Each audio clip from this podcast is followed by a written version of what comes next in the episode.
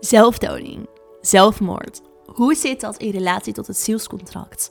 Wat gebeurt er met een ziel die door zelfdoding uit het leven is gestapt? Of euthanasie? Hoe ga je daarmee om als nabestaande? En hoe kan je iemand begrijpen die misschien een poging tot zelfdoding heeft gedaan? En hoe zit dat op zielsniveau? Mijn naam is Sarah Gila, multidimensionality expert en teacher. En ik ga je meenemen in de hele wereld van multidimensionaliteit. Multidimensionaliteit betekent in contact zijn met je higher beings, je oversoul, je avatar, de seed of the soul in jou kunnen activeren, maar ook helemaal embodied zijn in jouw human being. Multidimensionaliteit gaat over alle dimensies en de energiefrequenties die daarin te vinden zijn en waarin jij uiteindelijk ook een zielstil hebt. Kortom, ik neem je mee op een reis door dimensies en alles wat bij jou hoort.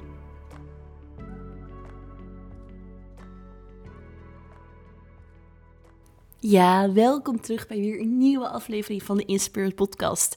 Super fijn dat je weer luistert.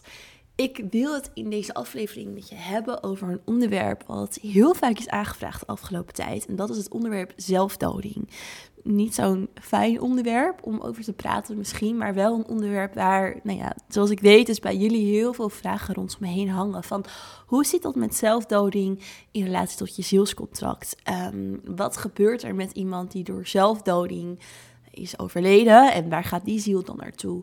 En ook, ehm, hoe ga je daarmee om als nabestaande of als buitenstaander die dat ja, als je wat hoort van iemand die je misschien gekend hebt, hoe ga je ermee om? En hoe, of hoe kan je er voor iemand zijn die een poging tot zelfdoding heeft gedaan, ehm, die niet gelukt is?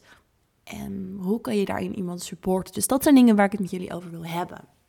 Nou, eerst zelfdoding. Um, in relatie tot het zielscontract. Het zielscontract is dus de, de, de souls contract, de afspraak die we maken vanuit onze ziel voordat we incarneren op aarde. Dus daarin staat je geboorte, de plek van je geboorte, de familie van je geboorte, dus waar je incarneert, um, maar ook je overlijden en alle grote gebeurtenissen daartussenin, um, die staan beschreven in je zielscontract. Het is echt niet dat elk detail, elk kopje thee wat je bewijs wel pakt of elke nou ja, noem maar op, uh, kleine dingetjes dat het erin staat. Nee, maar in grote lijnen is er een plan.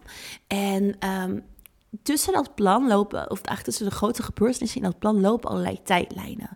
En in die tijdlijnen zijn er dus allerlei mogelijkheden. En die zijn weer afhankelijk van de keuzes die je maakt, ook vanuit je vrije wil. En hoe jij eigenlijk als ziel um, jezelf ontwikkelt op aarde. Dus de ene ziel zal heel snel ontwikkelen, de andere, om maar even vanuit snel en langzaam te, uit te leggen, zeg maar, de andere wat minder snel. En dat is helemaal oké. Ehm, dat is dus afhankelijk van, nou ja, eigenlijk ook hoe makkelijk je misschien wel de lessen leert, um, de andere mensen ook weer om jou heen, hoe, hoe je de support ervaart op zielsniveau. Nou ja, dat is van heel veel factoren afhankelijk. Die tijdlijnen lopen in een soort raster tussen die grote um, gebeurtenissen in. Of eigenlijk kan je het ook een beetje zien als een soort wiel. Dus er is een gebeurtenis, daaromheen heb je een soort wiel, een soort rad. En daarin draaien allemaal soort schijven. Um, om het even uit te leggen. Hè? Dus het is niet helemaal zo met schijven en een rad natuurlijk.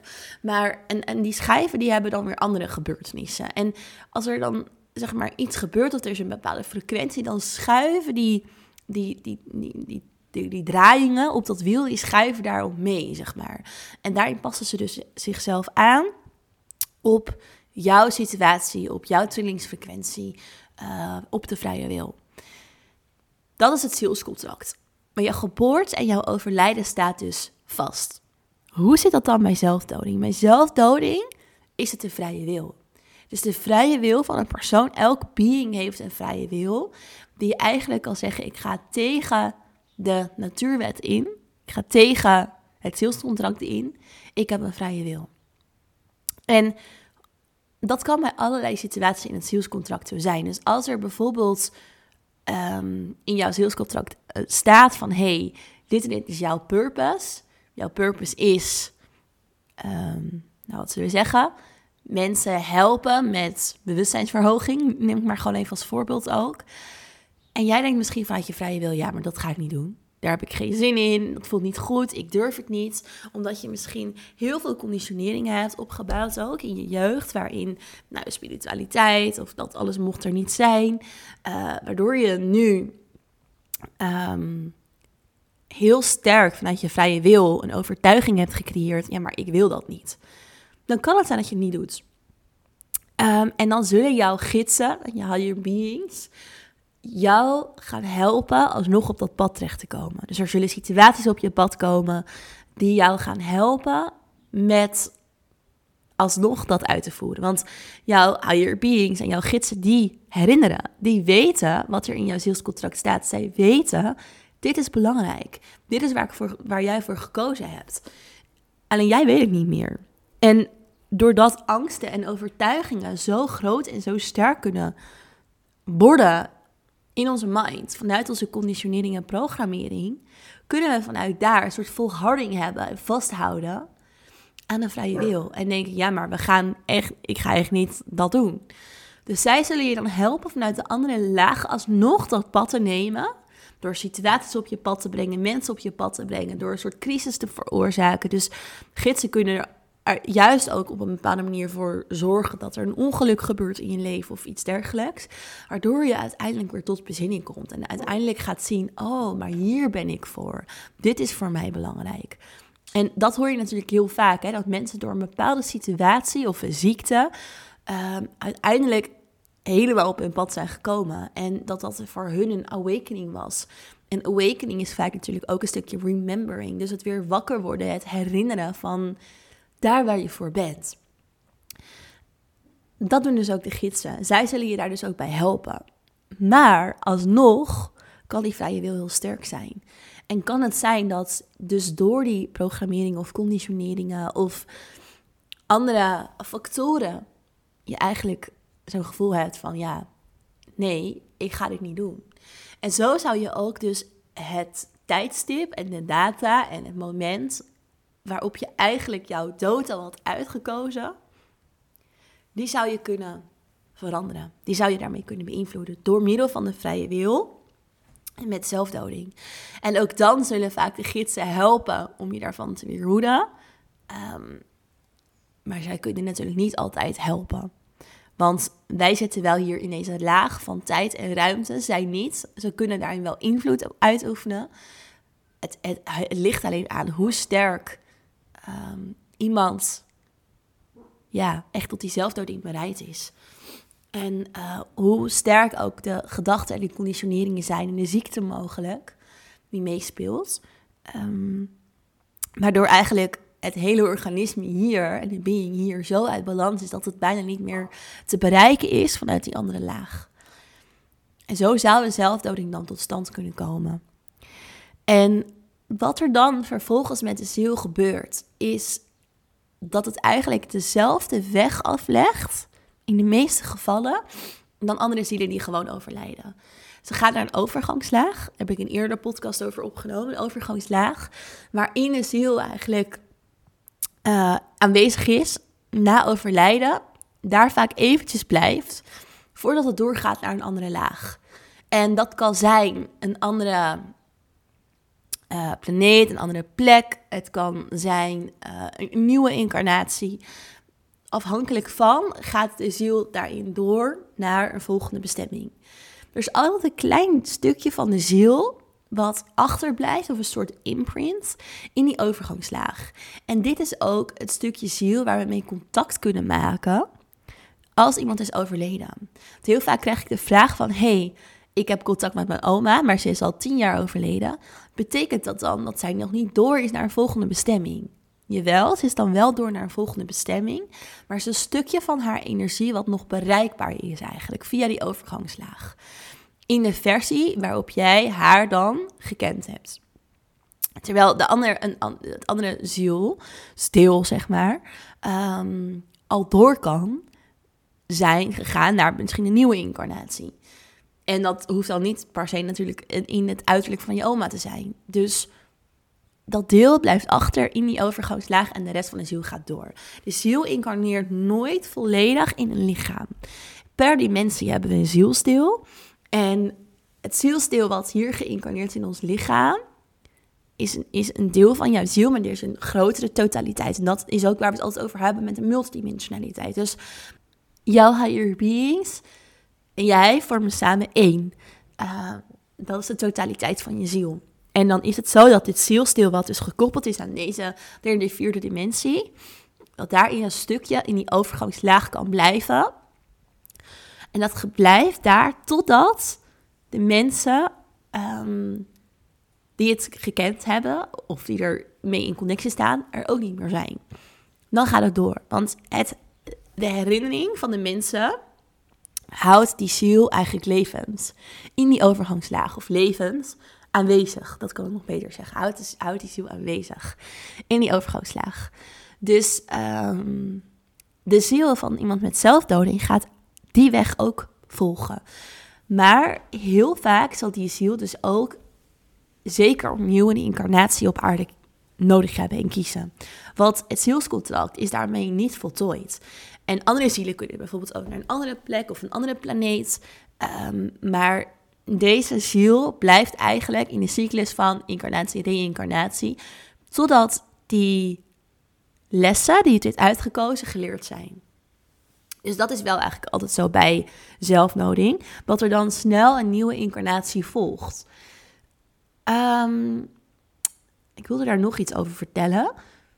Bij die ziel, die dus via zelfdoding is overleden, kan het zijn dat er dus dolende zielen ontstaan. Dolende zielen is waarin bij eigenlijk het zielstil, waarbij de ziel niet makkelijk door kan gaan naar een volgende incarnatie, omdat het vast blijft hangen aan de aarde, omdat het eigenlijk niet weet waar moet ik naartoe. Het heeft zich bewust losgekoppeld van het licht en dat is natuurlijk vaak zo bij zelfdoding. Dus er, er mist een stukje vertrouwen, er mist een stukje um, diepere um, wetenschap, eigenlijk diepere understanding van de divine en ook het divine plan. Waarin dus de ziel heel bewust heeft gekozen niet te vertrouwen in het licht. En wat er dan gebeurt is dat de ziel ook niet makkelijk door kan naar het licht. En elke ziel reist ook via een, of ook naar een volgende incarnatie via het licht. Maar als de ziel dus besloten heeft, ik wil me niet connecten met het licht, ik, ik doe eigenlijk afstand van het licht, dan wordt het een dolende ziel. En wat dat betekent is dat de ziel dan niet makkelijk door kan reizen en eigenlijk de weg kwijt is. Dan blijft het hangen hier op aarde, in een andere laag, maar blijft heel sterk verbonden aan de aarde. En het zal niet doorgaan naar een andere incarnatie. Dit zijn zielen die we vaak voelen. Um, ja, als, als we energieën voelen op aarde die niet zo prettig voelen. Dan hoeft het niet gelijk een donkere entiteit te zijn of wat dan ook. Het, het, is vaak bijvoorbeeld in oude huizen waarin we dolende zielen kunnen voelen. En dat zijn niet alleen maar zielen van zelfdoding. Er kunnen ook andere zielen zijn die om wat voor reden dan ook de weg kwijt zijn geraakt. En die dus ook nou, niet gekozen hebben voor dat licht en naar het licht te gaan. Dan wordt het ook een dolende ziel. Um, maar of de dolende ziel, om daar dan ook maar nog iets meer over te stellen, is eigenlijk een beetje tussen de onderwereld en het licht in. Het is niet helemaal de onderwereld, want ze hebben niet bewust zich heel erg afgezet tegen het licht. Vaak missen zij een heel stuk vertrouwen. En hebben ze wel een stukje zich afgezet tegen het licht, maar niet vanuit Ehm, een stukje individualiteit. Dus bij de onderwereld gaat het veel meer over wij doen het zelf, wij creëren onze eigen macht, onze eigen rules, om het maar even zo te zeggen. Bij een dolende ziel is dat zeker niet het geval. Alleen ze hebben geen vertrouwen in dat licht. Ze kunnen niks met dat licht. Ze zijn beschadigd, om het zo maar te zeggen, waardoor ze ehm, nou, niet heel bewust dus tegen het licht zijn, zoals de onderwereld wel wat meer is. Maar ook dus niet naar het licht toe kunnen. Dat is een dolende ziel. En uh, nou ja, dat is dus ook wat vaak voorkomt bij mensen van zelfdoding. Omdat ze dus ook in hun leven dus um, het licht zijn kwijtgeraakt en het vertrouwen. En daarin dan moeite hebben om door te gaan. Dus niet bij alle mensen met zelfdoding zo, omdat sommigen um, eigenlijk juist na hun overlijden weer heel duidelijk dat licht herinneren. Dat heeft ook weer te maken met de gidsen, in hoeverre zij eigenlijk kunnen doordringen tot een ziel en bij een ziel weer kunnen komen en die ziel kunnen helpen herinneren. hey, hier was je voor en hey, zo, is, zo werkt het universum en je bent een ziel. Um, dus als ze dat zielsbewustzijn weer krijgen, dan, um, dan gaan ze vaak wel gewoon door. Maar dat is dus afhankelijk van de persoon. Ja, dat eigenlijk over zielsdoding in het stukje hoe dat werkt in relatie tot het zielscontract en wat er met de ziel gebeurt. Hoe, hoe ga je daarmee om als buitenstaander? Nou, ik denk dat het ook al dit besef is. Ik hoop dat het jullie helpt om Ehm, dat dit wat antwoorden geeft over waar, hoe, hoe een ziel, waar een ziel naartoe gaat, ehm, waarom iemand daar dus voor kan kiezen. Het heeft dus te maken met ja, eigenlijk het, het kwijt zijn van het licht ook in jezelf. En um, zo donker, daarin, zo donkerte in jezelf daarin tegenkomen en kennen, dat het zo moeilijk is om vooruit te bewegen. En alles is een expressie van de divine. Hè? Dus, dus ook dit pad is een expressie van de divine. Um, juist doordat we een vrije wil hebben, creëren we. En elk leven op aarde, elke keuze is weer een expressie van de divine. Wij zijn daar in die co-creators. Dus het begon allemaal met die gedachte: wie ben ik? I am in de eerste dimensie. Vanuit daar um, nou ja, de hele reis door bewustzijn en alle lagen heen om eigenlijk het leven, het zelf, de liefde die het universum is en de energie, de kwantums allemaal te leren kennen. En al onze levens zijn daar een, een, antwoord op, zijn daar een expressie van. En dus ook een leven met zelfdoding is daar een expressie van. Dus hoewel het dan niet in het zielscontract staat, is het wel een antwoord en een expressie van en op te vragen wie ben ik en, en, en een expressie van de divine.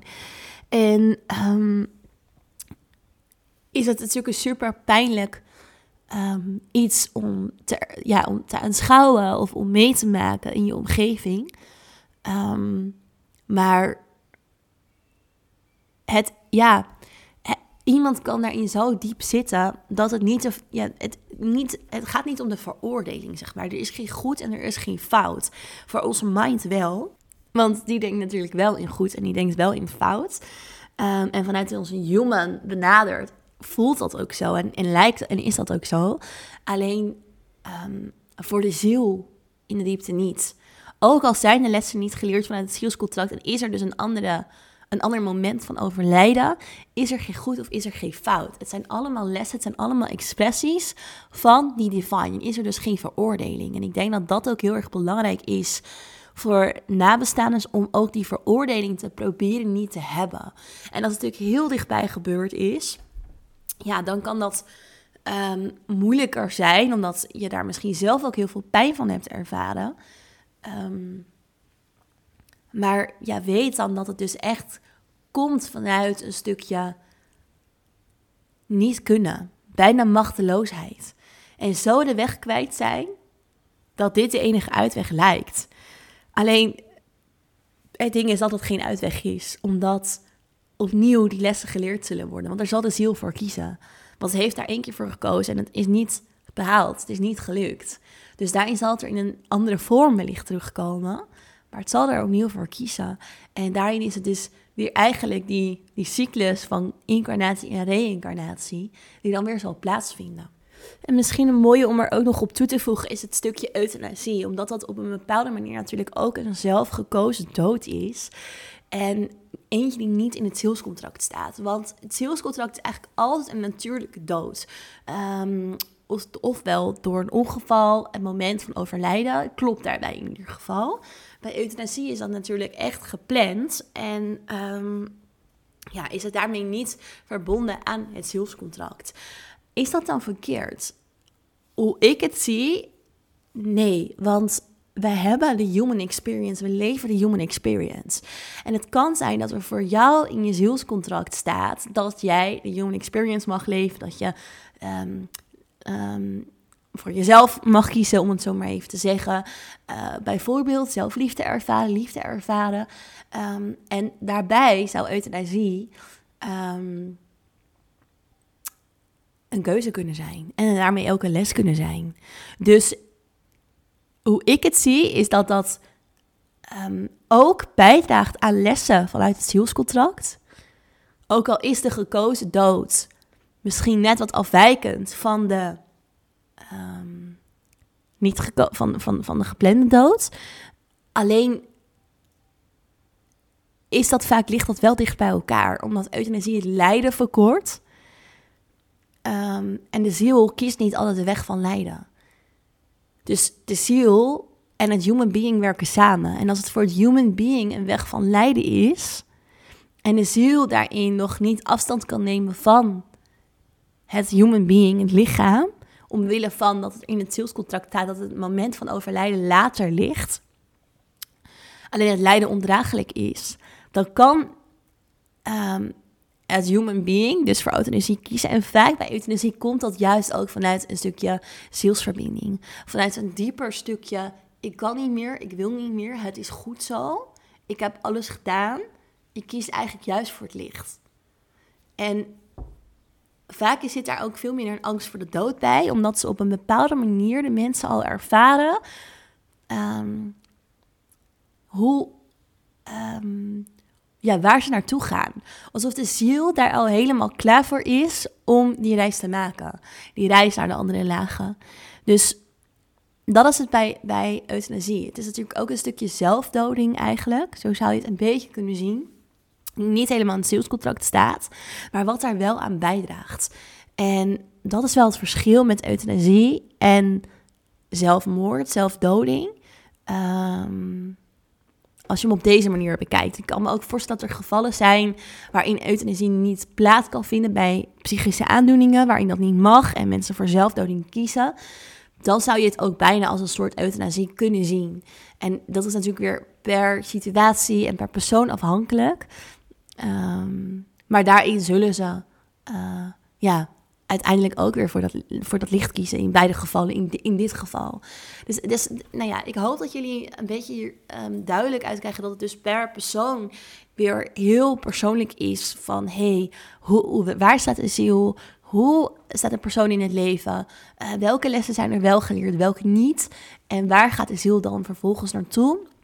Uh, bij heel veel psychische problemen is het natuurlijk ook zo dat uh, juist eigenlijk de weg kwijt zijn geraakt doordat de mind zo sterk is geworden.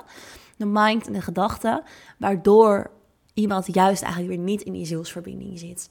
En dan is dus het, het zelfmoordverhaal, nou ja, eigenlijk zoals ik het dus in het begin van de podcast uitleg, en eerder ja, in de, uh, het geval, um, waarin dus de, ziel weer terug zal komen en opnieuw de lessen zal leren.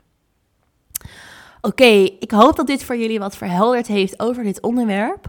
Um, Dankjewel voor het luisteren in ieder geval. Mochten er meer vragen zijn, stuur ze door. Mijn team leest ze en die bundelt ze voor mij. Ik kan niet alles zelf persoonlijk beantwoorden.